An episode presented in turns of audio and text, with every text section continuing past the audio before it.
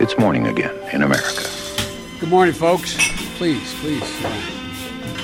Come on, let's go. Let's go get some coffee. Thank you very much. Det er onsdag 9. september. Det er 20 dager igjen til den første TV-debatten, 55 dager etter presidentvalget, og morgenkaffen er servert. Aller først, noen målinger. Det er jevnt i Pennsylvania. En ny måling gir Joe Biden en liten ledelse over Donald Trump, 44-42. Real Clear Politics sitt gjennomsnitt i The Keystone State viser imidlertid en Biden-luke på 3,9 poeng, 48,3 mot 44,4. Og toss-up i Florida, 48-48 ble utfallet av en fersk NBC News Marist-måling for perioden 31. august til 6. september. Jevnt er det også på meningsmålingssnittet til Real Clear Politics med kun 1,4 prosentpoeng i favør Biden, 47,8, 46,4. Dagens første sak. Donald Trump gir uttrykk for at han vil bruke egne penger i innspurten av eh, valgkampen. Det var hans svar på rapportene om at den økonomiske ledelsen kampanjen hans lenge har hatt over Biden, nå har blitt marginalisert.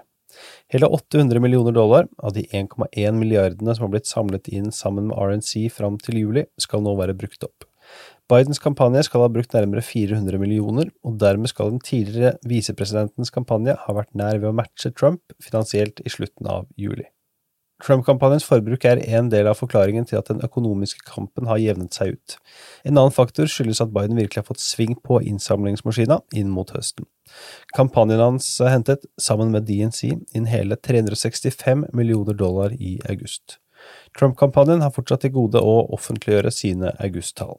Før presidenten satte kursen mot Florida tirsdag, så ble han spurt av en reporter om hvor mye han selv var villig til å bruke. Trumps svar det som trengs for å vinne. Ifølge Bloomberg skal Trump ha diskutert mulighetene for å bruke opp mot 100 millioner dollar fra egen lomme. Dagens andre sak, Biden girer opp i Georgia. Ifølge Atlanta Journal Constitution har Joe Bidens kampanje knyttet til seg elleve nye medarbeidere i et forsøk på å kapre delstaten som republikanske presidentkandidater har kontrollert siden 1996.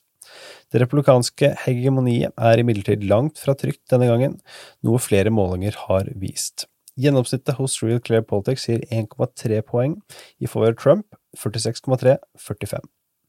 Bidens Georgia-kampanje startet opp i juli med fem strateger. De elleve nye stillingene inkluderer nå sjefer for blant annet kommunikasjon, data, digitalisering og beskyttelse av velgeres rettigheter. Helt til slutt i dag tenkte jeg se litt på det nasjonale snittet. Ifølge 538 sin modell så leder nå Joe Biden med 7,5 prosentpoeng over Donald Trump nasjonalt, 50,5 mot 43. Gjennomsnittet hos Real Clear Politics viser et lignende bilde. Her leder Biden med 7,1 poeng, 49,9 mot 42,8. På bettingmarkedet så viser modellen til Real Clear Politics at Biden nå har åpnet opp en luke til Trump igjen, etter at Bidens ledelse var blitt estimert til bare 0,5 poeng hos bookmakerne 2. september. 8. september så hadde Biden da nå bygd opp ledelsen igjen til 6,1 poeng, 53 mot 46,9. Dagens utgave av Morgenkaffen er servert av Henrik Skotte og undertegnede Are Togvold Flaten.